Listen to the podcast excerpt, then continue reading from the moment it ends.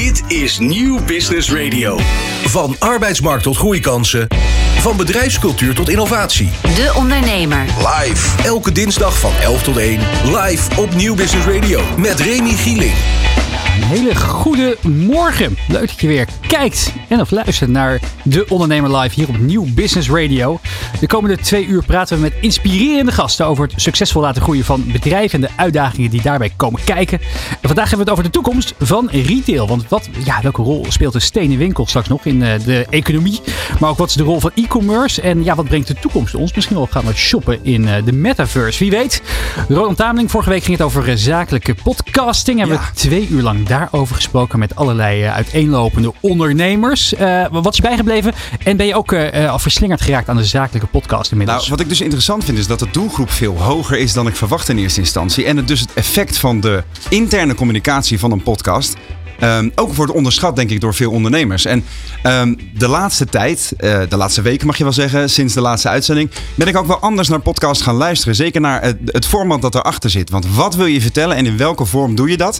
Dus dat uh, hoop ik vandaag ook weer in de praktijk te brengen met ja. onze, onze gast. Ja, ik vond het ook een fascinerende uitzending. Ook inderdaad, om daar nog even over door te pakken, dat uh, je inderdaad podcast kent in de, in, de, in, in, in, de, in de gesprekken die mensen met elkaar hebben. Maar ja. dat je ook hele verhalende podcasts meer en meer hebt. Koos de Voorne van Microfamilia vertelde daarover. En dat je dus inderdaad ook podcast kan inzetten om intern met je medewerkers te communiceren. Daar had ik ook nog niet over nagedacht. Nou, was een in, uh, interessante uitzending. Kijk en luister hem zeker even terug. Even ja, pluggen precies. aan het begin van de show. Ja, zo dadelijk uh, gaan we het hebben over het meest actuele ondernemersnieuws. Maar ja. eerst uh, introduceer ik graag de co-host van deze uitzending. De komende twee uur hier op deondernemer.nl en Nieuw Business Radio. Hij zal meepraten over alle onderwerpen. Hij is auteurspreker, maar bovenal pakkenarchitect. Zo lazen we vanochtend op deondernemer.nl. Ja. Roel Wolbrink van Nieuwteler, welkom. Goedemorgen Remy. Ja, Wat leuk, een titel is dat hè? Leuk dat je erbij ja, bent. Die is ooit een keer ontstaan. Uh, volgens mij zelfs in het FD. Uh, en uh, nou, hij, hij past ons wel. We zijn een pakkenarchitect. We hebben nu twee winkels. We zijn druk bezig met de derde, maar daar gaan we het straks nog wel even over hebben. Um, ja, en eigenlijk regelen wij voor mensen uh, dat ze mooie kleding kunnen laten maken. En wij zijn daar letterlijk en figuurlijk de architect. En dan ben ik toch even benieuwd, wat heb je vandaag zelf uit de kast getrokken? Uh, kun je ons even meenemen en de luisteraar vooral ook uh, in, ja. in je, je tenue van de dag? Nou, ik had gisteren werd ik inderdaad aangekondigd op de ondernemer als de pakkenarchitect. Ik denk, nou, wat moet ik dan aan? Dan moet ik toch een pak aan. Ja. Want laat ik eerlijk zijn, de laatste tijd heb ik zeker door het weer, nou, gewoon meestal wel een combinatie aan. En dan heb ik het jasje heb ik nog wel in de auto, in de auto liggen. Of ik neem hem mee. Of op het moment dat ik ergens mijn entree maak. Maar omdat ik vandaag werd aangekondigd als de pakkenarchitect, dacht ik, nou dan moet ik ook een pak aan. En dan ook nog eens een keer een pak die we helemaal in huis in Utrecht zelf maken. Want dat hebben we in corona ontwikkeld.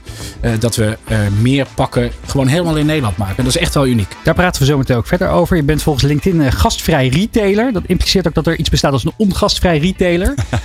nou ja, weet ik niet. nee, dat hoop ik eigenlijk niet. En ik denk dat heel veel retailers het wel goed doen. Maar sommige retailers hebben inderdaad wel eens de neiging uh, om net niet vriendelijk genoeg te zijn. Dat zie je nu, omdat er gewoon te weinig medewerkers zijn op de vloer. En dan worden ze toch een beetje bitch en een beetje kort af. En uiteindelijk gaat het er zeker bij ons om dat mensen in een ontspannen omgeving ja kunnen zeggen tegen hun bewuste keuze. En dan is gastvrij echt de key voor de toekomst van retail.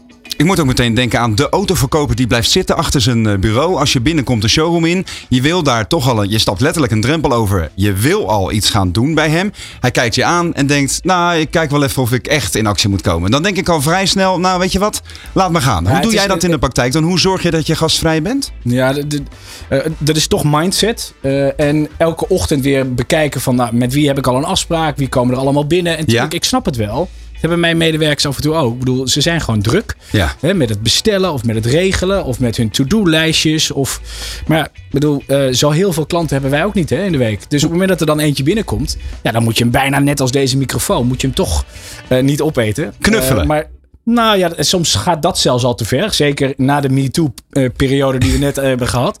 Uh, maar je mag inderdaad wel uh, toenadering zoeken en vragen en interesse tonen. En, ja, het is figuurlijk knuffelen ook vooral. Nee, nee, hè? goed, zeker. Ja. Nee, ja. Dankjewel daarvoor. nou, zo dadelijk gaan we dus meer praten over, over retail, e-commerce, de, de, de toekomst van de winkel. Maar ja, eerst gaan we naar het laatste ondernemersnieuws hier bij De Ondernemer Live. Elke dinsdag schuiven topondernemers aan voor de lunch.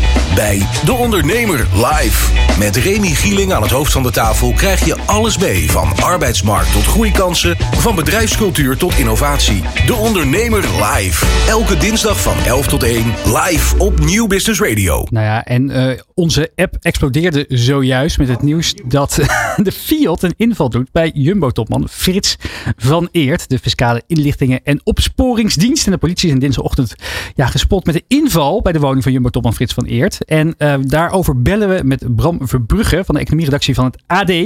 Die het, uh, de site die het nieuws vanochtend bracht. Bram, welkom in de uitzending. Goedemorgen. Goedemorgen. Uh, fijn dat je er bent. Wat, wat is hier nou aan de hand? Wat, wat zijn ze daar aan het doen in het zuiden van het land? Ja, dat, is, dat wordt nu inderdaad onderzocht. Er vindt in ieder geval een doorzoeking plaats. En het OM zegt dat is in een grootschalig witwasonderzoek. Dat onder meer draait om autohandel en sponsorcontracten in de motocrosssport. Nou is Frits van Eert natuurlijk zelf ook een rijder. Dakar meerdere malen. Uh, en natuurlijk een van de grootste sponsoren. Uh, dus het is, maar het is nog de vraag wat precies zijn rol is in dit, in dit grote onderzoek. We zitten nog midden in het onderzoek dus. Hè? Wat weten we al wel en wat weten we nog niet, Bram? Nou, de, wat we weten is dat de politie aanwezig is uh, binnen de hekken van het landgoed. zijn ook gewoon foto's waar je, waar je agenten uh, ziet staan. Nou, alleen de oprit, dan zie je al wel dat dat een kapitale villa is. Ja. Uh, dat, is ja dat is niet gek. natuurlijk, Frits van Eert is, ja, die, heeft, die heeft voldoende geld. Maar wat er precies aan de hand is, komen verhuisdozen naar buiten.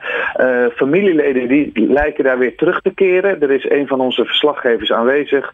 Ehm, van van de regionale uh, uh, Brabants Dagblad. En die staat daar te kijken. Ja, en het is.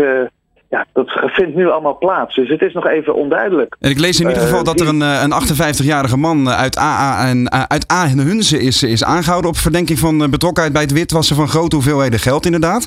Maar we weten nog niet zeker of Frits van Eert zelf ook is aangehouden. Hè? Nee, klopt. Dat is nog onduidelijk. Dus uh, er zijn uh, in totaal negen verdachten aangehouden. Die zitten ook allemaal in beperkingen. Dat wil zeggen dat ze dus geen contact mogen hebben met de buitenwereld. Ja. En alleen met hun advocaat. Maar of uh, Frits van Eerter daar één van is, ja, dat, dat weten we nog niet. Dat is natuurlijk iets wat we op dit moment aan het uitzoeken zijn. het Financieel Dagblad die meldde zojuist wel dat er ook een inval is gedaan bij het hoofdkantoor van Jumbo. Uh, dus daar, uh, ja, dat het echt om, om Jumbo en, en Van Eer draait, dat, uh, dat lijkt wel steeds duidelijker te worden. Ja, er ja. lijkt wel rook te zijn, hè? Ja, laten we het zo voorzichtig zeggen. Ja, in het verleden hebben we wel vaker gezien dat de, dat, dat de Fiat invallen doet bij bekende ondernemers. in het verleden ook bij inmiddels Weile Jan de Bouvry. Die smet is nooit meer helemaal van hem afgekomen. Wat, wat heeft dit denk je voor betekenis voor, voor, voor het imago van zo'n bekende ondernemer en voor het bedrijf? Ja, dat is, het is misschien nog vroeg om daar al uh, over te speculeren. Want uh, dat kan absoluut een, smet voor het leven worden. Uh, maar volgens mij is Jumbo een, een, vrij populair bedrijf in Nederland. En van Eert natuurlijk dankzij al die sponsorcontracten ook een, gewoon een geliefde ondernemer. dus of dat aan hem blijft kleven, ja, dat moeten we gaan zien. Uh, wat het OM zegt, van ja, dit witwassen gebeurde via onroerend goedtransacties, de autohandel, onverklaarbare contante stortingen en sponsorcontracten in de motocrosssport. Uh, dus ja, aan onze taak om uit te zoeken waar dat nou precies is en wat zijn rol is. Ja, ja we gaan uh, het uh, zeker in de, in de gaten houden. Ik ben ook nog even benieuwd, Roel, ehm, wat, wat vind jij van dit nieuws? Ja, want Roel, jij bent naast, naast oprichter van Nieuw Taylor, hè, de, de, de, bekende pakkenwinkels uit Utrecht en Amsterdam, ook auteur van het, van het blauwe boekje. Dat gaat over, over, over etiketten, zakelijk en, en, en, en privé. Ja, dit, dit past natuurlijk niet in, in het etiket van een, van, een, van een zakelijk topman van zo'n groot concern.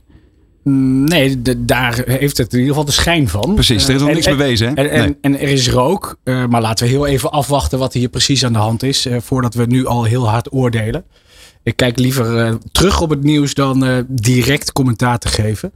Uh, maar dat, ja, nou goed bedoel je. Maar meer eventjes de vraag inderdaad van wat, wat, wat voor implicaties kan dit betekenen voor, voor het imago van iemand? Hè? Ook, al, ook al blijkt het dat er inderdaad niks aan de hand is uiteindelijk, dan zal je als je iemand googelt tot in het einde der dagen toch dit nieuws naar boven zien komen. Ja, dat, dat is inderdaad een gevaar. Ehm, maar op het moment dat uh, hier uh, goede PR-mensen bovenop zitten en hij openheid van zaken kan geven de komende dagen, uren wellicht, uh, dan, ja, dan kan dit ook wel weer in de kiem gesmoord zijn. Maar zo'n Fiat-inval, die wordt normaal gesproken wel goed voorbereid. En op het moment dat dit meteen in het nieuws is en ook zo breed uitgedragen wordt, bedoel, ik reed hier in een half uur naartoe.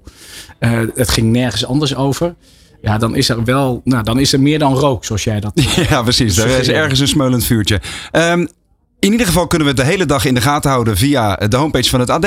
Want daar wordt uh, het verhaal continu bijgewerkt. Uh, aan de telefoon nog steeds Bram Verbrugge van de economieredactie. Bram, we gaan het in de gaten houden. Dankjewel even voor de duiding van dit nieuws over de Fiat-inval bij Frits van Eert. Dit is De Ondernemer live op Nieuw Business Radio. Ja, en we blijven nog heel eventjes bij het AD.nl. Want deze week lazen we het volgende. Nephandel steeds meer verweven met zware misdaad. In de strijd tegen illegale nepmerkkleding worden steeds vaker wapens, illegaal vuurwerk of drugs gevonden als de politie ergens komt binnenvallen. Deze vorm van handel raakt meer en meer verweven met de zware criminaliteit. Kopt het AD daarom ook. Uh, Roel, uh, jij zit in, uh, in, in, in de kleding. Hoe, hoe, heb jij, ja, hoe kijk jij naar die, die handel rondom nepkleding? En zie je daar, is dit meer geworden in de afgelopen jaren, denk je, vanuit jouw kennis en ervaring over de markt? Nou, dat, ik weet dat niet. Uh, wij, wij richten ons echt op maatkleding. En op uh, mensen laten bij ons alleen maar kleding maken. Dat doen ze heel bewust. Uh, we kiezen daarvoor. Maken, ja, dat is eigenlijk hetzelfde. Hè? kiezen en bewust doen. Nou ja. maar goed, ik onderstreep het nog maar heel even. De visie is duidelijk, ja. ja. Ehm, dus wij hebben niet zo heel veel last van, van namaak. Maar ik weet zeker dat het gebeurt. En op het moment dat je, als ik naar mijn kinderen luister, dan zijn ze met, met sneakers bezig die ergens anders vandaan moet komen. En dan moet ik daar uh, toch even een gesprekje over voeren. Uh, dus het, het, is wel een probleem. Uh, of het groter geworden is, weet ik niet. Parallel import was altijd al wel een ding. Ik bedoel, toen ik 25 jaar geleden op Nijrode zat, toen was, het, uh, was dat uh, hetgeen waar je misschien in de toekomst wel geld mee zou kunnen verdienen. Nou, daar zijn uh, nu allerlei methodes voor op, op het internet. Um, ja, en je leest in de krant dat het meer aandacht krijgt, ook van de politiek. En dat is goed. Nou ja, en de prijzen zijn denk ik ook al door het dak gegaan. Als je kijkt naar op, de, op de site van bijvoorbeeld debijkorf.nl, die een scala aan, aan, aan, aan ja, bekende merkkleding, bekende kledingmerken ja, voert. Waar waarvan je dan een paar schoenen kan kopen voor, uh, voor 1200 euro. Ja, of, een, uh, of, of, of, of, een trui voor 1400. En, en zeker hoe die sneakers uh, worden nou ja, gewoon verhandeld en weer opnieuw op de markt gebracht nadat ze snel zijn opgekocht. Ja. En hoeveel verzamelaars daarvan zijn, ik kan daar bijna niet bij. Ook, ja. ja ook logischerwijs dat er dan inderdaad meer, dat, dat er meer ja, markt is voor illegale handel. En ook voor, voor, voor, voor nepkleding uiteindelijk. Dat zal zo zijn, hè? want er, zal meer productie zijn. Uh, want je ziet hoe lang wij erover doen om een nieuw product te ontwikkelen. En hoeveel tijd daarin gaat zitten. En hoeveel. Nou ja, goed bedoel. Uh, hoe lang duurt het dan? Nou, we zijn gewoon maanden bezig om een nieuw product te ontwikkelen. Ja. Uh, en dan uh, moet het daarna een paar keer gemaakt worden voor mensen. Op het moment dat je dan, uh, als je de, de aantallen te klein zijn om die tijd terug te verdienen, ja, dan, dan heb je business-wise natuurlijk wel een probleem. Dus... Hoe, hoe zit het met, de, met de, de, de markt voor de wat, wat, wat, wat chicere herenmode? Is daar ook een illegale sitehandel gaande? Hè, voor de Santonis misschien en de, de andere... Nepteler, zo gezegd. Ja, de nepteler. In plaats van nieuwteler, ja. Uh, nou, je hebt wel een eye-tailor die het op een andere schaal doet en uh, rechtstreeks naar de consument brengt vanaf. Uh, nee, maar zijn er, zijn, er, zijn er pakkenmerken waar gewoon heb nep, nep, niet, heb kleding van in omloop is? Heb ik nog niet ontdekt, Remy. Okay. Ik, ik ben daar ook niet. Uh, bedoel, ik ga echt wel uit van mijn eigen kracht en van het unieke wat wij doen. Ehm, nou, en dus nee, ik heb dit nog niet gezien of het laatste nieuwtje van vandaag is dat de helft meer webshops die stoppen ermee. Uh, in de eerste zes maanden van het jaar trokken 6.758 webshops de deur achter zich dicht. Lazen we in twinklemagazine.nl. Een jaar geleden waren dat er nog 4400, uh, blijkt de cijfers van het uh, CBS. In het begin van de coronacrisis kwamen er heel veel webshops bij, maar ja. ze vallen nu ook langzaam weer om. om. Roland, jij zag al dat de webshop van de dochter van Martin Meiland offline is gegaan. ja, dat is natuurlijk het schokkende nieuws van de afgelopen week. Nee, maar dit, ja, dat, zij zei inderdaad ook, ik stop met het versturen van, uh, van zaken via de webshop. Want de prijzen voor, voor gas en dergelijke en het versturen en zo worden gewoon te hoog. Dus de, de marges zijn daarvoor te laag. Het is geen goed businessmodel meer. Maar je ziet ook wat meer gerenommeerde bedrijven zo'n keuze maken. Bijvoorbeeld uh, Wijnhandel Bas Baan. Uh, afgelopen week kreeg ik een mailtje. We stoppen met het versturen van onze uh, wijnen via de webshop. Heeft dus echt enorme impact op ja, de, de, de salvabiliteit van zo'n bedrijf. Hè? En um, ja, ik vind dat ook wel vrij heftig. Wat doen jullie met e-commerce, Roel? Alvast even vooruitblikkend. Nou, we, we, doen een heel klein beetje accessoires. Uh, kun je via uh, nou, de shop van Newtailor uh, bestellen. Mm -hmm. van, van dassen en ondergoed en kousen. En, die niet hoeven te worden opgemeten, zo nee, die, nee, precies. Die je gewoon even bij wil bestellen. Of die mm -hmm. je gewoon nodig hebt. en dat gaat redelijk. Uh, maar het is inderdaad een heleboel uh, ja, werk, kun je zeggen. Maar daarvan zeg ik tegen de medewerkers altijd van... Nou oké, okay, bedoel, maar je hoeft de mensen niet helemaal te woord te staan. En dit kun je even tussendoor doen. Dus dit kunnen we echt wel goed hebben. Mm -hmm. Maar we hadden gisteren nog een discussie over... De, hoeveel voorraad moet je dan extra aanhouden? En wat is dat kapitaalsbeslag dan? Uh, en daar moet je wel... en op het moment dat je het gewoon uit je winkel kan halen... zoals in ons geval... dan, dan is het volgens mij nog wel goed te doen. Ja. Ik bedoel, dan is het een slimme, slimme methode om uh, dit, deze service te blijven bieden. Uh, dus nee, wij gaan hier zeker mee door. Denk, ja, veel, denk veel startende ondernemers er ook te makkelijk over? Uh, oh, ik start een webshop en uh, ik importeer even wat producten en ik, ik doe ze één keer per dag op de post en ik, ik, ik, I'm in business. Dat denk ik. De, de, nou, ik bedoel, ik zie het in een andere handel waar ik ook een beetje in zit, in de, in de kunsthandel. Maar voor, voordat je mensen naar een site hebt en voordat mensen daar gaan afrekenen, er, er is, nou, het gaat om vertrouwen, het gaat om het aanbod, het gaat om het juiste moment, het gaat ook net als in de fysieke winkel, gaat het om drempels verlagen. Mm -hmm. En zorgen dat mensen daadwerkelijk willen afrekenen. Onderscheidend vermogen. Uh, zeker. Uh, en dat dan weer uh, voldoende, bij voldoende mensen onder de aandacht brengen.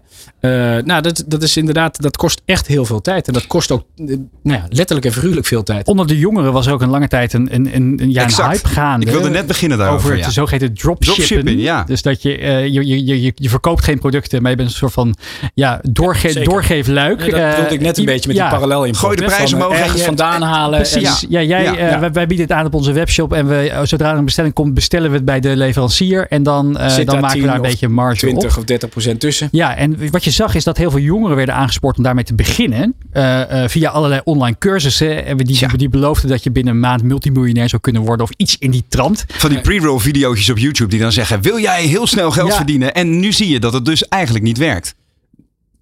Dat denk ik ook. Uh, maar net als met heel veel andere dingen ook. Uh, 1 op de 10.000 of 1 op de 20.000 die slaagt daar dan wel in. Uh, en dat is dan het mooie verhaal in de kroeg of op het moment dat je bij vrienden thuis achter de barbecue staat. Ja. We praten verder met Roel Wolbrink, oprichter van Newtailor over de toekomst van retail en e-commerce hier bij De Ondernemer Live. De Ondernemer. Live op Nieuw Business Radio. Ja, Roel, je zit al 25 jaar in het vak, want Nieuw Taylor bestaat uh, 25 jaar. Uh, je hebt het onlangs ook, uh, ook gevierd met, met het team en de mensen. Zeker, en daar nemen we ook rustig de tijd voor. Ik bedoel, we zijn 25 jaar geleden met overtuiging gestart om een bedrijf te bouwen wat echt begon bij de klant. Hè. De, de keten eigenlijk om te draaien. En we zagen te veel retailers, wat we in het begin al zeiden, van, die met een arm over elkaar wachten op de klant. En we wilden echt iets maken wat, nou, wat mensen nou, wat impact heeft. Wat, wat, wat ze mooi vinden, wat ze zelf kiezen. Uh, nou, en dat gaan we niet alleen vorige week vieren. Dat gaan we het komende half jaar wel vieren. In de tussentijd, in die 25 jaar, is natuurlijk veel veranderd. Uh, op, in, in, in de retail, maar ook zeker in de markt waarin jij je begeeft. In de, de markt voor, voor, voor, voor, ja, voor, voor herenkleding. Hele voor, grote voor, spelers voor, hebben, pakken. hebben hun kop op, opgestoken. Zeker. Je hebt natuurlijk de ja. opkomst inderdaad van, van Suit Supply meegemaakt. Fokke de Jong, die een, een wereldwijd pakken imperium aan het, ja, aan het bouwen was. extreem knap gedaan. Hoe kijk je daarnaar? Nou, wat ik uh, meteen al zeg, van dat heeft hij echt heel knap gedaan. Uh, het is een, ja, een, een rasondernemer ook, uh, met heel veel lef en durf. En nou, dat, dit heeft hij goed uitgebouwd, heeft het goed nou, doordacht. hij heeft de, nou, in het begin kwam het echt letterlijk uit de dozen en stelde het allemaal niet zoveel voor. En was het een beetje een studentenbedrijf, dan leek het een beetje een grap van een gesjeesde advocaat. maar inmiddels moet je gewoon met zijn aantal vestigingen en ook welke rol hij speelt met duurzaamheid voor, voor wol. En uh, dan moet je hem eigenlijk alle complimenten geven. En ook maar, enorm snel opgeschakeld in schaal. Hè? Als je dat even vergelijkt, ook om Nieuw Taylor nog een beetje beter te, te duiden uh, en te plaatsen voor de luisteraar en de kijker. Wat is jullie schaal op dit moment? Hoeveel, hoeveel mensen bedienen jullie bijvoorbeeld? Hoeveel mensen we bedienen op jaarbasis eh, zullen dat er een kleine 2000 zijn. Mhm. Eh, en dat is voor een retailer is dat, eh, klinkt dat enerzijds veel, anderzijds ook weer niet. Daar zit ik me altijd al, daar zit ik me al 25 jaar over te verbazen van hoe groot die schaal dan kan zijn. Ja, ja maar bij die Supply zal het, zal het 2000 niet genoeg zijn natuurlijk. Nee, nee, natuurlijk niet. Nee, maar die, die hebben diepere zakken. Die hebben meer geld erin gestopt. Het, het bedrijf is grotendeels nog wel van hem, maar niet helemaal meer. Mhm. Bij ons is het gelukkig nog helemaal van ons. Wij zijn verslaafd aan onze klanten en aan het klantencontact. En willen dat gewoon zelf doen. En Maar wat was, wat was ooit de ambitie toen jullie 25 jaar geleden begonnen? Was het ook die wereldschaal die Suit Supply heeft begonnen? Nee, Was het zeker, niet- iets zeker niet die wereldschaal. Ik bedoel, eh, mijn ouders hadden vroeger een hotelbedrijf. Daar komt dat gastvrije retailer komt daar ook vandaan. Eh, en wij, wij opereren het liefst gewoon op sterrenniveau. eh met de manier waarop we met onze klanten omgaan. Met de producten. Mhm. En daar hoort die hele grote schaal hoort daar niet bij. Tegelijkertijd heb je natuurlijk ook als je met 2000 klanten per jaar te maken hebt, is dat de, de, de, de, de budgetten of de, de prijzen betrekkelijk hoog moeten liggen. Ja, nou, de- de- ik denk dat dat eh, relatief ook nog wel meevalt. Eh, eh, ja, wat ik probeer maar- te zeggen is, je bent, je, bent voor een, je, je bent er voor een beperkte doelgroep. Oh, heb, zeker. heb je ooit Zeker. gedacht... Ik- bewust ook. Ja, maar heb je ooit gedacht, ik wil, ik wil een bredere doelgroep aanspreken? Een beetje wat je zag in de tijd dat wat meer grote merken ook besloten om af en toe sublabels te starten. Dat je, Ja, hebben, wij, hebben wij in het begin ook nog wel gedaan hoor.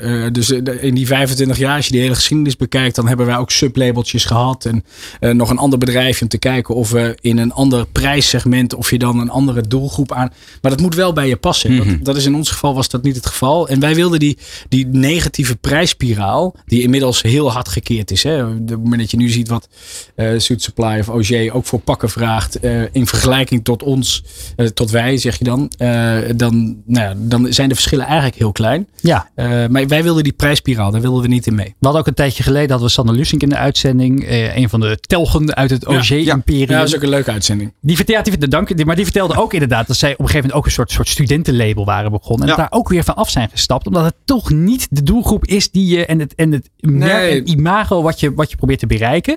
Hoe, wat, wat, is het, wat, wat is het merkbeleving van, van Nieuwteler in jullie geval? Wat, wat, wat, wat moeten mensen ervaren? Hoe, en, hoe, hoe, en hoe probeer je dat ehm, op alle manieren van communicatie en, en beleving in de winkels? eh, hoe, lang, hoe lang hebben we? Daarvoor en daarvoor nog twee minuten. Dit, dit is, dit is een vrij uitgebreide vraag, Remy. Ja. Eh, waar je heel veel op kan zeggen. Maar eh, ik had laatst een eh, korte enquête onder onze klanten. En op het moment dat ze dan teruggeven dat we gastvrij zijn en ondernemend. En dat we echt aandacht geven. En dat we voor stijl gaan. En dat we eigenlijk naast die klant staan. eh, nou, en dat ze bij ons eh, eh, voor goede pakken, maar ook inmiddels voor goede broeken en jasjes en hemden. Dat ze als eerste aan ons denken. Op het moment dat ze dat teruggeven, nou, dan hebben wij het goed gedaan. Ik bedoel, dan is imago en identiteit eh, passen goed bij elkaar. Is dat dan ook de meest wijze les die je nu al aan het begin van de uitzending zou kunnen geven aan andere retailers? Geef vooral aandacht. Nou ja, in ons geval eh, zit dat en in ons DNA. Ja. eh, en past dat helemaal bij maatwerk. Dus maar het past toch eigenlijk bij elke retailer, zou je zeggen? Eh, ja, nou ja, het ligt, nee, het ligt aan je businessmodel. Dus op het moment dat waar we het net over hadden, op het moment dat we, wij, zijn, wij zijn inderdaad niet de goedkoopste, dat willen we ook niet zijn. Nee. Want aandacht moet wel betaald worden. En op het moment dat we anderhalf uur advies geven, en nou, ik bedoel, dat, dat, dat, dat moet op de een of andere manier moet je dat wel kunnen, eh, kunnen betalen. Ja. Hè? Moet dat businessmodel kloppen. Op het moment dat het alleen maar commodity goods zijn, eh, voor sommigen kan een pakken commodity goed zijn of een, of een jasje. Ja, bedoel, dan, dan is het gewoon eh, uitdelen eh, en snel betalen en eh, nou ja, hopen dat mensen nooit meer terugkomen. Door naar de volgende, ja. Eh, ja. Maar dus eh, ja, het is een goede tip voor heel veel retailers die in ons segment zitten dat het gaat om aandacht. De Ondernemer. Live op Nieuw Business Radio. Ja, eh, we hebben het natuurlijk over de toekomst van retail. eh, in deze uitzending van De Ondernemer Live met onder meer Roel eh, Wolbrink van Nieuw Taylor. We hebben het al gehad over allerlei ja, de merkbeleving en over eh, klanten en over klantenservicen en over tarieven. En het lijkt allemaal heel erg goed te gaan. Tegelijkertijd merk je natuurlijk ook eh, in de wereld dat er, dat er veel uitdagingen zijn. We noemen maar de energiecrisis, de personeelscrisis, en het gebrek aan voorraad. Ehm en dat, dat laten we ook in, eh, in, eh, in de media weer terug. Eh, retailtrends.nl beschreef onder meer dat een aantal retailfaillissementen het hoogste niveau van dit jaar heeft bereikt. Twintig retailbedrijven zijn vorige maand failliet gegaan. Er zijn er acht meer dan in juli. En het is het hoogste aantal dus tot dit jaar. Dat blijkt uit cijfers van het CBS. ja, het gaat niet overal zo goed als bij Nieuw Taylor, zeg maar. Hey, Roel, maak je wel eens een beetje zorgen? Ehm, ja, dat hoort ook bij ondernemen. Eh, dat je scherp blijft en dat je na blijft denken. En eh, ja, tuurlijk. Ik bedoel, wij zitten nu vlak voor eh, de uitbreiding naar een derde vestiging. Maar er zit een energiecrisis aan te komen. Koopkracht staat onder druk bij een aantal, ook bij onze klanten, Ja. tussen, tussen de oren. Talent is onvindbaar of onbetaalbaar. Ja, nou goed, ik geloof dat wij onze medewerkers nog wel redelijk aan ons weten te binden. Dus dat, dat, dat gaat goed. omdat we gewoon echt wel een unieke positie hebben. Hoe Maar- doe je dat? Want ik, ik ken New Taylor betrekkelijk goed. En ik ken ook alle medewerkers die, daar, die daarbij die, die, die ook al heel lange tijd eh, trouw eh, Ja, met gaaf, jullie hè? samenwerken. Ja, dat is echt wel fijn. Hoe, hoe- wat, wat, is daar, wat, zijn daar de. hoe werk je daar aan? Want het gaat niet vanzelf. Dat hoor je overal. Nee, ja, en, en toch gaat het ook wel weer vanzelf bij ons. Dus dat, op de een of andere manier is dat, als je er te veel over na moet denken, is het ook weer niet goed, denk ik. Alhoewel we nu, op het moment dat je net weer één slag groter wil, we hebben een ander bedrijfje, zijn we gestopt en we gaan nu weer iets meer op, eh, op, de, op de retail eh, focussen. Eh, en met die derde vestiging, dat we iets meer weer centraal gaan doen en iets minder in de winkels neerleggen. Dat vind ik nog wel even interessant. Je hebt een ander bedrijfje gestopt. Kun je daar iets meer over vertellen? Oh ja, we- Dat is een hele duidelijke keuze dus. Ja, maar goed. We, we hebben eh, buiten Nieuw-Telen hebben we altijd een aantal bedrijven gehad. En Nieuw-Telen was altijd, nou, het staat het meest in het zicht. En daar zijn we bekend van en om. En dat is ook, eh, daar zijn we ook het, nou niet het meest, ja, eigenlijk ook wel misschien wel het meest trots op. Oké. Maar dat andere bedrijf, dat zat ook in de keten. We, we beleveren onszelf, maar we beleveren ook andere eh, eh, nou, kleermakers en winkels. En, eh, nou, en daar eh, hebben we de focus ook om uh, nou, distributieredenen hebben we die een beetje verlegd. En we gaan nu weer vol naar, naar de retail toe. want die twee winkels, daar, daar zit ruimte. En zeker nu een aantal andere retailers gaan stoppen. Nog eventjes terug naar die, naar die, naar die, die faillissementen die, die dus het hoogste niveau, van het jaar hebben bereikt. Ehm, we lazen ook in het nieuws onder meer dat een, een bakker met zijn handen in het haar zit. Letterlijk en figuurlijk. Omdat hij van drie naar 18.000 euro per maand energiekosten is gegaan. Morgen een medewerker van mij ook, die ging van 60 naar 92. Ja, dat Hoe dan? Is echt eh, de, de, dan inderdaad. Leg het even uit. Ik bedoel, eh, dan, eh, dan maak ik me zorgen over de medewerker die, uh, nou, die dat toch ook allemaal maar op moet hoesten. En we hebben ja. iedereen wel goed gecompenseerd in de koopkracht. Maar dan, maar dan nog, hè? Wat, wat, maar wat merken jullie ervan? En moet je ook. De, hoe, en hoe doe je dat qua prijzen? Berekenen jullie dat allemaal door? Nou, is een, is een lastige. Eh, ondanks dat ik het aantal faillissementen met 20 eigenlijk nog wel mee vind vallen. Vind ik ook nog wel, ja. We, we hebben het, eh, we, we, ja, we blazen het eigenlijk nu op omdat we in de radio-uitzending zitten. Maar op het moment dat er maar 20 eh, zijn gestopt vorige maand in de retail, dan, dan, dan valt het me nog mee. En verwacht ik er nog wel wat meer. Iedereen die eh, hun belastingsschulden nog moeten gaan aflossen de komende jaren. Nou, ik denk ook dat we, er, eh, dat we er zoveel aandacht aan geven. Omdat we aan ons water wel voelen dat er nog meer aan zit te komen. We praten er zo Ja. meteen over door met eh, hoogleraar eh eh Cor Molenaar. Maar Ja. eerst even dit. De Ondernemer. Live op Nieuw Business Radio. Ja, want we hebben inderdaad een energiecrisis. Maar misschien is er ook wel een alternatief voor als we maar naar innovatieve start-ups kijken. Dit vind ik nou een mooi bruggetje, Remy. Dankjewel. Innovatietroef binnen onze landsgrenzen Kite Power. Eh, Joep Breu, eh, Breuer is in de uitzending aangeschoven. Je bent van het bedrijf Kite Power. Eh, en je hebt iets heel erg gaafs ontwikkeld. Nou, Wat- ik niet alleen natuurlijk. Maar nou, bedankt dat ik hier eh, mijn woordje mag doen. Ja. Ehm, eh, ja, ik ben dus van Kite Power en wij produceren windenergie met vliegers. Ja, ik, toen ik dit las, dacht ik, het gaat nog goed komen in de wereld, jongens. dit gaat goed komen. Wat een briljant idee. Kun je even uitleggen aan de leek wat jullie, precies, wat jullie product precies doet? Nou, wat ons product precies doet, is dus we hebben een vlieger. En die laten vuurtjes vliegen in de lucht. Die laten we daar heel hard trekken aan een touw, aan een lijntje. En die trekkracht zetten we om in energie met behulp van een lier. Dus het lijntje zit vast op een trommel. En we trekken het lijntje van die trommel af. Trommel gaat draaien. En daar eh, met een dynamo maken we dan eh, ja, windenergie daarvan. Even voor ons beeld. Hoe groot zijn die vliegers? Want dat is niet je huis, tuin en keukenvlieger, denk ik. Nee, dat is geen huistuin keukenvlieger. Hij lijkt een beetje op een eh, surfkite. Ja. Een beetje, maar dan een paar maatjes groter.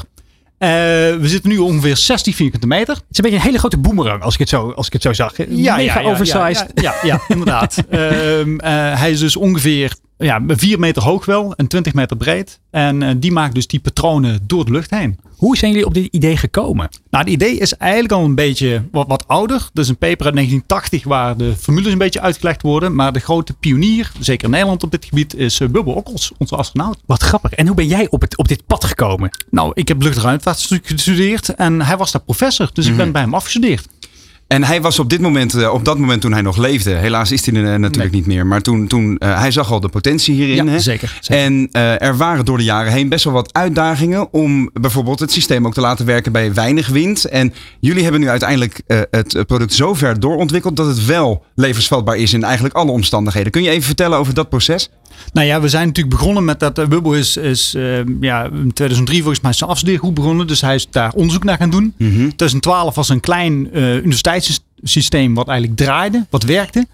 En wij hebben dat eigenlijk opgenomen in 2016 en dat om gaan zetten in iets wat commercieel vatbaar is. Mhm. Dus we hebben het nog een stukje groter gemaakt en we hebben het verder geautomatiseerd. En inderdaad, die probleem die jij aangeeft, zeg maar, om het vlieger eigenlijk onder alle omstandigheden energie te laten produceren. Wat is er nu anders aan de vliegers dan die je gebruikte in 2016 bijvoorbeeld? Nou, ze zijn veel groter. Okay. Ze zijn veel groter, zijn veel krachtiger. Uh, ze zijn vooral veel slimmer. En uh, nou ja, dat betekent nu dat we dus heel dicht bij, bij eigenlijk die marktintroductie zitten. Je bent op dit moment ook bezig met een crowdfunding campagne. Een pan-Europese crowdfunding campagne. Ja, zeker, dus we kijken zeker, zeker. over de landsgrenzen heen. Ja. Uh, er is ruim 400.000 euro opgehaald van de benodigde 700.000 euro. Ik ben allereerst even benieuwd. Uh, waar ga je het voor gebruiken? Nou, uh, zoals ik zeg, zitten we dicht bij de introductie aan. We moeten nog een paar dingen moeten laten zien. Eén, we moeten eigenlijk langdurig testen. Dus we moeten vlieguren maken en zeggen dat hij onder alle omstandigheden het, het doet, zeg maar. En dat, dat samen met een klant, zeg maar. Dus een pilot. Uh, voor de rest hebben we. Uh, Want wie worden jullie eindklanten? Nou, uh, om te beginnen denken we nu dat we, omdat nog ja, relatief klein, hè, 100 kilowatt. dat is nog meer dan voor 150 huishoudens. Dus dat is wel groot, maar op de schaal van de wereld relatief klein. dat we vooral in de offshore, nee, de off-grid en de tijdelijke markt zitten. Dus we denken eerst aan festivals of, of bouwplaatsen dicht in de buurt. Maar vooral afgelegen gebieden waar mensen eigenlijk nu dieselgeneratoren gebruiken. Ja. Want daar kunnen we dus nu al uh, ja, fossiele brandstof besparen. En wat, je daar, sorry, ja. en wat je daarin ziet is dat er een aantal spelers op de markt zijn die bijvoorbeeld inderdaad uh, batterijpacks leveren in Ja, van die ja, grote, grote containers. Hoe verhouden, jullie, hoe verhouden jullie je tot die spelers? Nou, we werken daar heel hard mee samen. Want batterijpacks is heel erg mooi. Maar die maken natuurlijk geen energie. Nee, die besparen, ja, besparen wel een beetje. Maar die kunnen geen energie maken. En wij kunnen dus wel dag en nacht energie leveren. In tegenstelling tot de zonnepanelen bijvoorbeeld. Uh, en dus samen met die batterijen voor uh, ja, levergarantie uh, zorgen.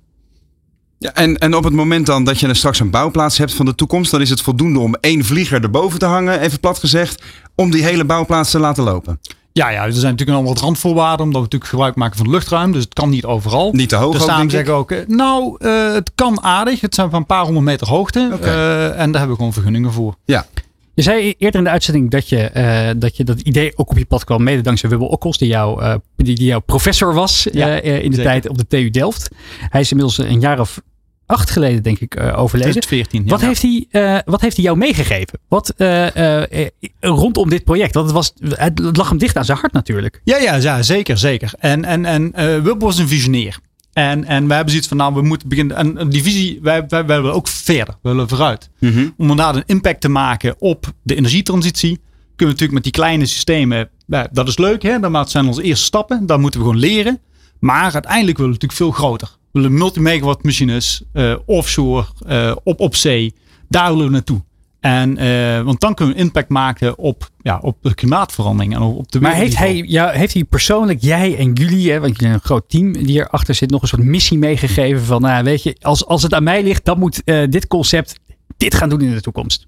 Nou, ik denk juist inderdaad die, die, uh, die klimaatverandering en, en die sustainable energy, dat, dat aanpakken. Ik denk dat dat echt zijn drive was. Al in het project die hij gedaan heeft die hadden daar een raakvlak mee. Hadden natuurlijk de aarde gezien vanuit de, uh, vanuit de ruimte. En zegt van nou, we moeten deze mooie blauwe parel moeten wij beschermen. En dat was zijn drive en dat zetten wij voort. Hij wist mensen ook als geen ander te raken. Hè? Ik, ik, ik, moet nog meteen denken aan uh, dat videootje wat, dat hij maakte op zijn sterfbed. Uh, ja. Daar was hij zo emotioneel en hij zei, zorg goed voor deze aarde. Ik kan me voorstellen dat dat elke dag ook een drive is om dit te laten lukken. Nee, zeker. Daarom hebben we ook zeer eh, gedreven mensen in dienst die ja, dat als doel stellen. En daar uh, nou ja, we, we verschrikkelijk veel uren in steken om dat uh, ja, waarheid te laten worden. Ik, heb ook nog wel een, een vraag uit de praktijk, zeg maar. Als ik mensen zie vliegen, hè, laten we het eens even gewoon naar de normale ja, mens halen. Ja, ja, dan, dan, dan sta je zeg maar een, een, een dertigstal seconden sta je te genieten van hoe die vlieger in de lucht hangt. En op een of andere onverklaarbare wijze stort hij ineens in het zand. Hoe ga jij dan voorkomen dat het niet ineens eh, dat je een vlieger op die bouwplaats landt? Nou, nee, ja, dat, dat is inderdaad de, on- onze kennis. Eh, Als wij vergelijken met windturbines, zeggen we altijd: wij vervangen massa met intelligentie. En eh, dat is nee, wat bij dus wat er in dat kastje onder de vlieger zit, die dat stuurt, zeg maar, daar zit intelligentie. En het mooie is, intelligentie wordt alleen maar goedkoper. Computers worden steeds sneller, intelligentie wordt go- goedkoper. Maar massa, materiaal, dat wordt alleen maar duurder. Ja. Dat zien we nu rondom ons heen gebeuren.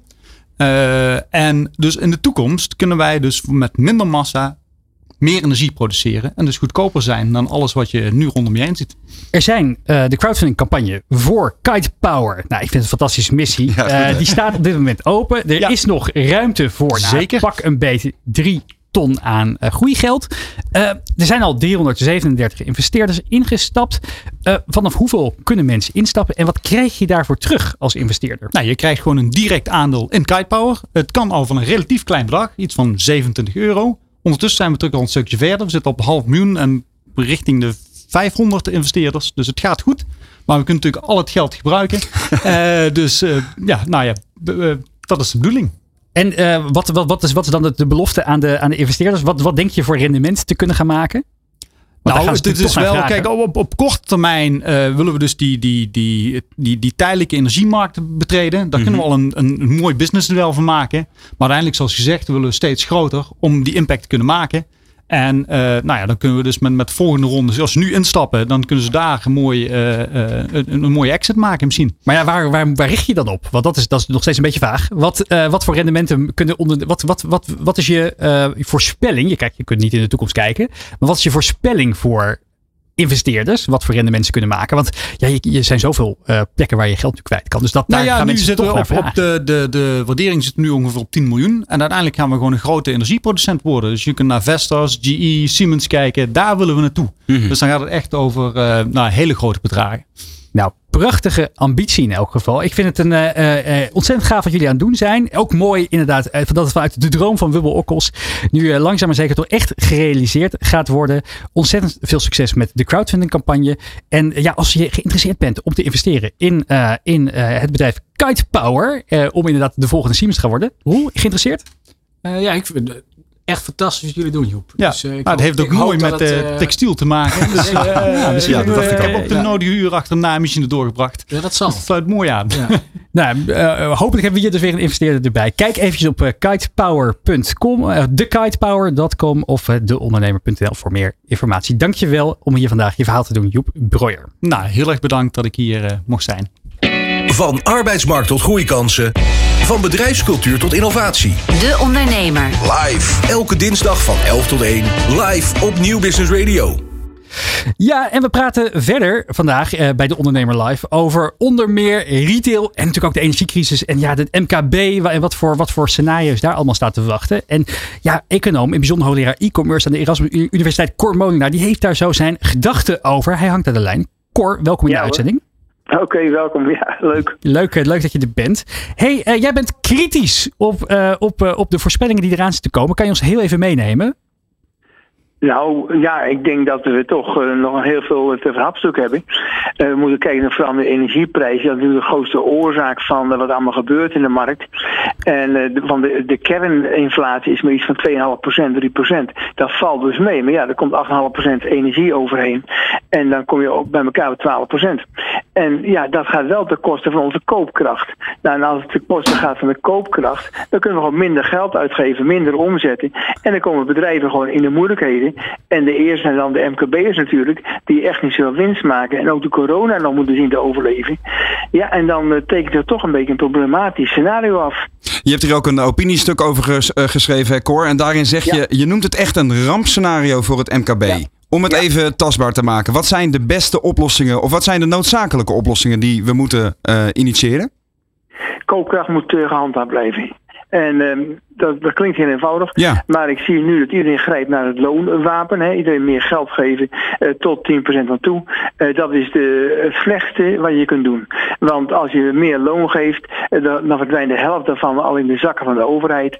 En de andere helft komt in een loonzakje terecht. Maar dan moet worden gecompenseerd in de prijzen van de aanbieders. Dus dan kom je in een inflatiespiraal terecht. En daar is heel moeilijk uit te komen, zoals we geleerd hebben in de jaren 70. Wat dan wel? Meer dus- loon is inderdaad niet de oplossing. Wat, ja, wat wel? Ja, we moeten ons concentreren op het loonzakje. Eh, Daar moet het geld in komen. En waar ik dus voor pleit, is gewoon belastingverlaging. Je ziet op de energie ligt een, eh, een toeslag van 35,7% van de overheid. En daar wordt ook nog een keer BTW over gegeven. En dan denk ik bij mezelf, nou dat schuif je het allereerst vanaf. Dan daalt die energieprijs dan meteen met 40%. Eh, dat helpt. En dan kijk je toch naar het MKB met name.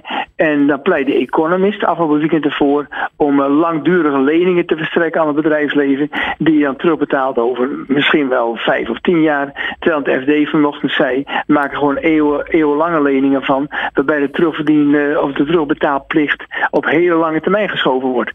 Kijk, en dan helpt dus wel bedrijfsleven. Als wel de consument die koopkracht behoudt.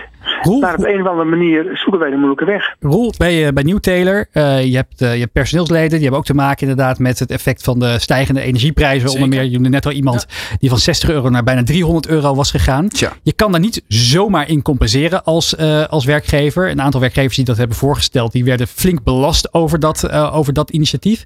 Hoe, hoe kijk jij naar? Wat, wat, wat moeten we doen? En hoe kijk je naar het voorstel van Cor om eh, enerzijds ja, belasting te verlagen op, eh, op, op Nou, loon en anderzijds eh, de langetermijnleningen te En ik verwacht toch echt, en anders doe ik alsnog een oproep aan het kabinet om dit eh, voor volgende week dinsdag alsnog even in de kabinetsplannen te fietsen. Eh, want dat moet ook gebeuren. Eh, tuurlijk, wij als eh, werkgever, eh, het MKB heeft, eh, en alle grootbedrijven trouwens ook, die hebben ook hun plicht om eh, bij deze eh, nou, inflatie, om de medewerkers eh, te compenseren. Hè. Het kan niet zo zijn dat ze ineens minder eh, in hun loonzakje eh, overhouden eh, om te besteden. Eh, maar wij kunnen dat niet alleen. Dus wij, wij kunnen die Het is natuurlijk heel makkelijk om te van vorige zeggen, maand eh, kunnen wij niet compenseren. Nee, het is heel we makkelijk dat ongeveer voor de helft.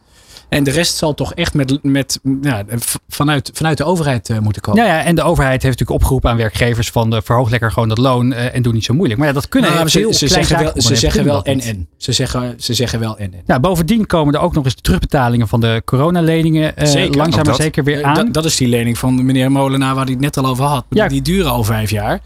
Eh, nee, we hebben echt wel een, eh, een systeemcrisis, om het maar zo te zeggen. Cor, wat eh, eh, een oproep eh, aan het, aan het kabinet. Ik roep dit en de economist van afgelopen weekend eh, die ondersteunt dit. In Europa wordt opgevolgd. Dus uh, belastingverlagen legt die toestand weg zodat het geld in het loonzakje gelijk blijft. Dan spreken we over een hele geringe inflatie van 2, 2,5 procent. Verstrekt die lening aan het MKB met een hele lange terugverdientijd. En daar kies men gewoon niet voor, maar gaat de moeilijke weg.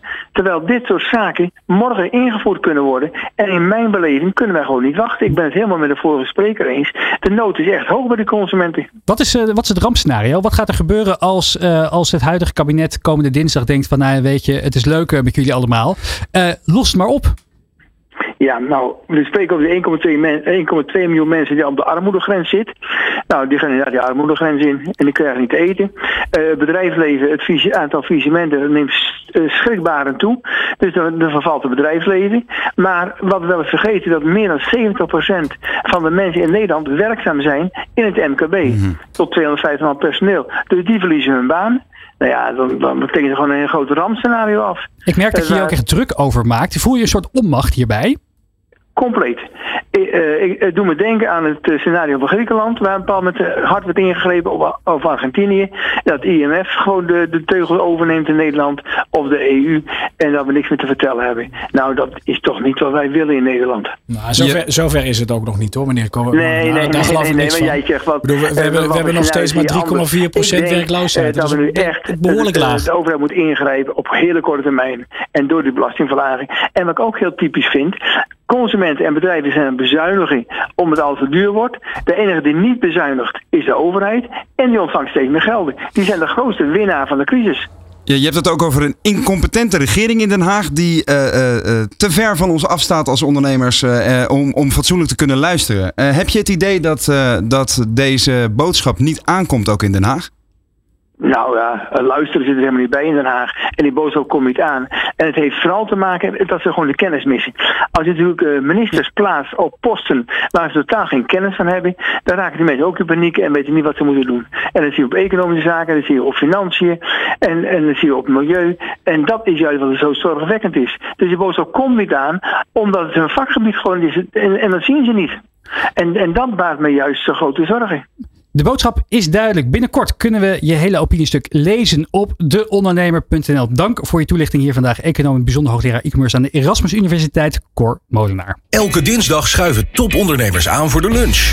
Bij De Ondernemer live. Met Remy Gieling aan het hoofd van de tafel krijg je alles mee. Van arbeidsmarkt tot groeikansen, van bedrijfscultuur tot innovatie. De Ondernemer live. Elke dinsdag van 11 tot 1 live op Nieuw Business Radio. Ja, en we hebben het in deze aflevering van De Ondernemer Live over retail, over e-commerce, de huidige stand van zaken, maar ook over de toekomst. Dat doen we onder meer met Roel Wolbrink, oprichter van Nieuw Taylor, al 25 jaar ondernemer in de retail. Maar dat doen we natuurlijk ook graag met, uh, met, met, uh, met, met opkomende spelers die heel hard bezig zijn om een merk te bouwen in de e-commerce en de retail. En een van die ondernemers is Alfredo Silva. Hij is de oprichter van Fromantil Watches, een van de ja, snel groeiende horlogemerken in Nederland. Leuk dat je er bent. Alfredo, welkom in de uitzending.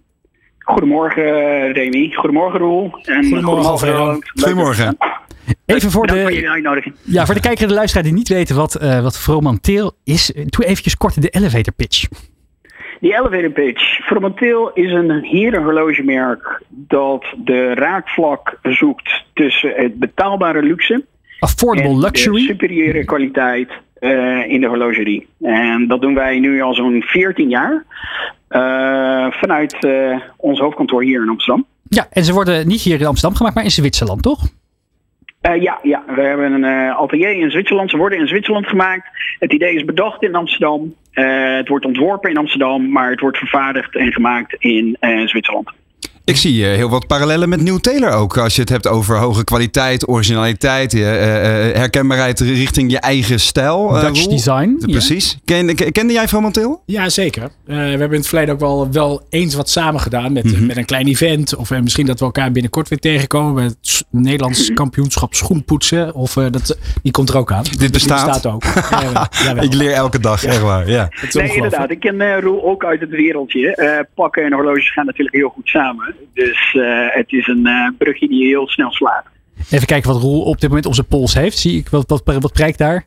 Ja, een Seamaster. Seamaster, oh mijn ja, oh Iets, iets klassieker dan, uh, dan Fromantil.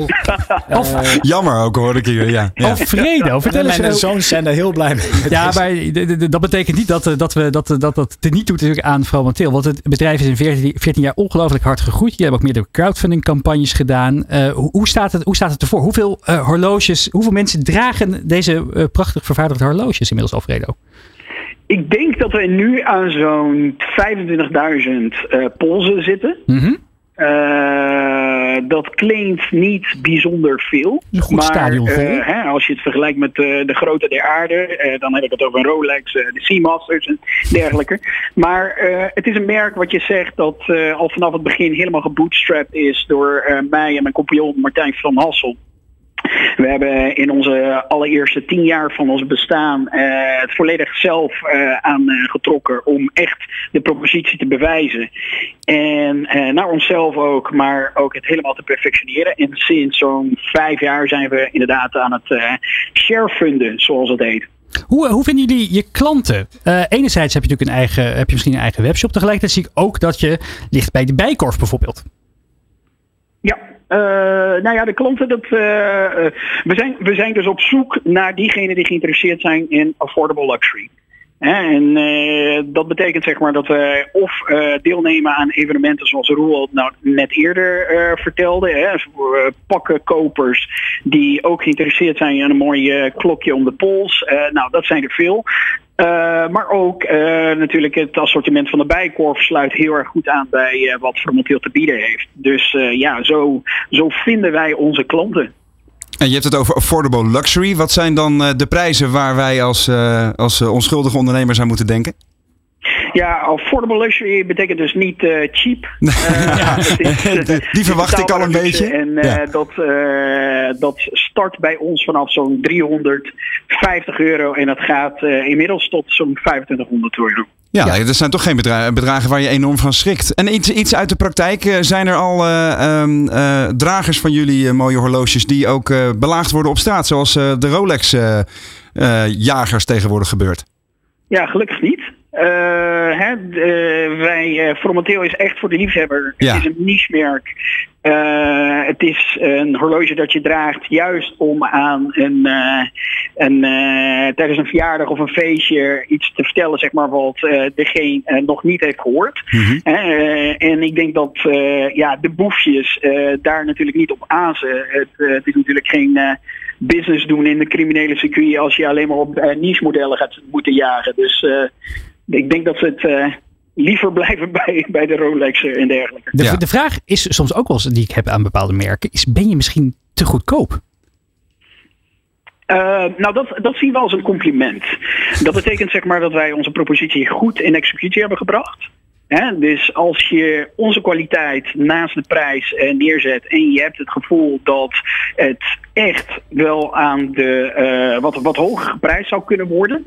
Nou, dan hebben wij het goed gedaan. Uh, en uh, zo willen we het ook eigenlijk behouden, want dat is onze niche. En daar, uh, ja, daar vinden we veel af, afnam, afname bij. En hoe groot kan die niche worden, zeg maar wereldwijd? Wat zijn jullie doelen voor pak een beet over vijf jaar? Ja, het kan behoorlijk groot worden. Wij hopen een uh, omzettarget van zo'n uh, 5 NIO te kunnen raken over vijf jaar. En waar staan jullie nu? Uh, wij staan nu aan de 1 MIO. En waar we naartoe gaan is uh, voornamelijk in het buitenland. Ja. We gaan onze, uh, onze, um, onze activiteiten zeg maar, vergroten in de VS en de UK. We zien daar dat de markt voor niche horlogerie erg in trek is. Uh, voornamelijk uh, getroffen of uh, getrokken en gemotiveerd door ja, blogs zoals Handy Keys en dergelijke. Er ontstaan er veel horlogeliefhebbers en de algehele kennisniveau in de horlogerie is ook gestegen. Men hmm. weet meer over horlogerie dan pakweg zo'n tien jaar geleden. En uh, ja. dat is uh, voor ons als niche-merk uh, natuurlijk iets heel positiefs. Dat geldt voor alle businessen. Mensen zijn veel beter voorbereid op het moment dat ze naar een winkel toe gaan. dat, is, ja. dat is ook de, de ja, het bruggetje van e-commerce naar de stenen winkel. ze versterken elkaar heel erg. Ja. Mensen zijn gewoon beter op de hoogte. En dat is fijn. Want hoe, jij, jij, jij loopt inderdaad ruim tien jaar ondernemerservaring in dit in, in, in, dit, in dit speelveld voor op uh, Alfredo. Die met 14 jaar ook al, heel, ook al een tijdje meeloopt natuurlijk. Hoe, wat, wat zou jouw advies zijn om Fromantil nog harder te laten gaan? Waar denk je dat het, waar, waar denk je dat, dat het oh, laaghangend fruit ligt? Dat, dat is, dat, het gaat wel heel snel om hier meteen een antwoord op te geven. Ja, maar Alfredo dat kan heeft natuurlijk al wel. Ja, dankjewel. Pop, we hebben nog een paar minuten, Roel. Ja, we, gaan het toch, we gaan het toch proberen. je, je, hebt me hoog zitten. Uh, nee, ik bedoel, het gaat altijd over fysieke bereikbaarheid voor, uh, voor, voor de klant. Uh, en, maar kijk, op het moment dat je en bij de Bijenkorf wil liggen en online beschikbaar, dat, dat zijn echt wel twee verschillende businessmodellen die je eigenlijk naast elkaar draait. dus die zou je wel heel even goed, goed moeten bekijken, omdat je bij de Bijenkorf nou, moet je gewoon marge inleveren. Uh, ik vond jouw vraag of jouw opmerking vond ik eigenlijk al wel een klein beetje terecht van uh, ben je wel geruststellend duur genoeg uh, voor, voor een goed horloge? Ja. En met die 2500 zit je weer aan de bovenkant en 350 die range is best wel groot. Maar dit is echt gewoon heel even snel uit de heup geschoten.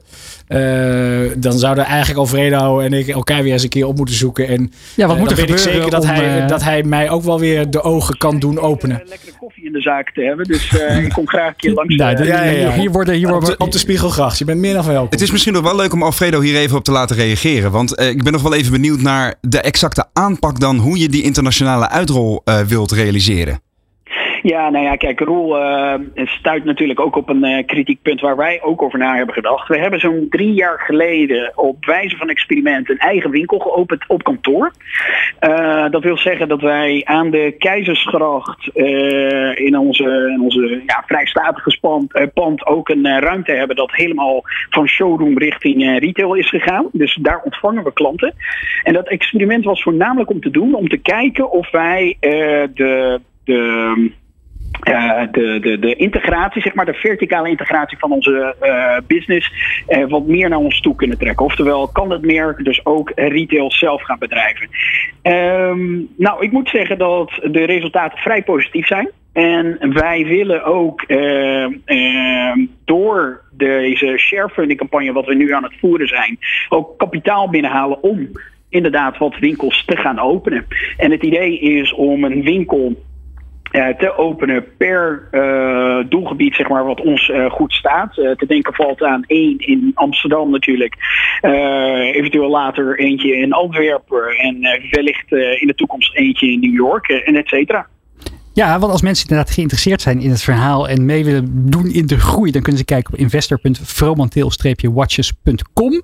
Laatste vraag, want we hebben het ook over de toekomst. Eh, ja, ik heb inderdaad mijn Seamasters thuis gelaten en vandaag toch mijn, mijn Apple Watch omgedaan. Nou, de laatste exemplaren zijn eh, eh, vorige week of twee weken terug ook weer aangekondigd. Hoe kijk jij naar eh, de concurrentie vanuit de smartwatch-wereld, Alfredo?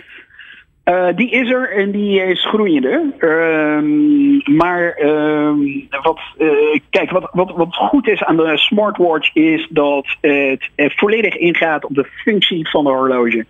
Dus eh, dat is iets wat wij eh, in de horlogerie al een tijdje hebben losgelaten. Uiteraard moeten de eh, horloges om de pols kunnen functioneren. Men moet de tijd kunnen aflezen. Maar onze functie is voornamelijk één van de sieraad. Het gaat er bij ons om, ook op bij onze automatische mechanische modellen vooral om de schoonheid van het apparaat. En de meticuleuze afwerking en het millimeter, ja zelfs nanometerwerk zeg maar, wat allemaal plaatsvindt binnen de horlogekast. En dat is een heel ander belevingswereld dan een smartwatch. Ik denk dat je, eh Remy, zelf aanhaalt dat je, nou, eh, je legt je Seamaster thuis en je hebt vandaag even je Apple Watch aan. Puur Eh, functioneel, Remy. maar Puur ik functioneel. op een andere gelegenheid eh, de Seaboard. Ik wist dat ik rolkop dwars zit hierbij. Ja. eh, wat, wat, wat, meer, eh, wat meer glorie eh, eh, nodig heeft dan, eh, of wat, wat, wat glorieuzer is dan eh, een Apple Watch om je pols. Ja, ik zo ik, ik, ik kan het alleen maar omarmen. Punt is gemaakt. Eh, dankjewel voor je, eh, voor, je, voor je bijdrage hier vandaag bij De Ondernemer Live. Eh, eh, ja, wil je dus inderdaad, ben je, ben je geïnteresseerd in, om deel uit te maken van het verhaal van de internationale expansie? Kijk inderdaad even op investor.fromateel-watches.com en dan heb je allemaal tires waar je uit kunt kiezen. Vanaf 1000 euro kan je investeren. Vanaf 5000 krijg je al een speciale watch cadeau. Dus nou, eh, mocht je nog inderdaad wat, eh, wat hebben liggen, kijk daar even op. Alfredo, ontzettend veel succes met de campagne. En eh, wij, wij, wij, wij zien je binnenkort, als het goed is. Bij de koffie, bij de op de- koffie, op de op de Spiegelgracht. Bij, bij Roel. Helemaal goed. Helemaal leuk, Dankjewel. Alfredo. Hoi. Dankjewel. Dit is De Ondernemer live op Nieuw Business Radio. Ja, we gaan even tussenuit voor de reclame. Zometeen zijn we terug met het tweede uur van De Ondernemer Live. En daarin hoor je onder meer ja, de rol van sociale media in retail, e-commerce. Maar ook over de toekomst shoppen we namelijk binnenkort in de metaverse. Nou, we gaan het horen. Ook hebben we nieuwe data dinsdag. En natuurlijk Nico Dijkshoorn. Mis dat niet. Tot zometeen. Dit is De Ondernemer live op Nieuw Business Radio.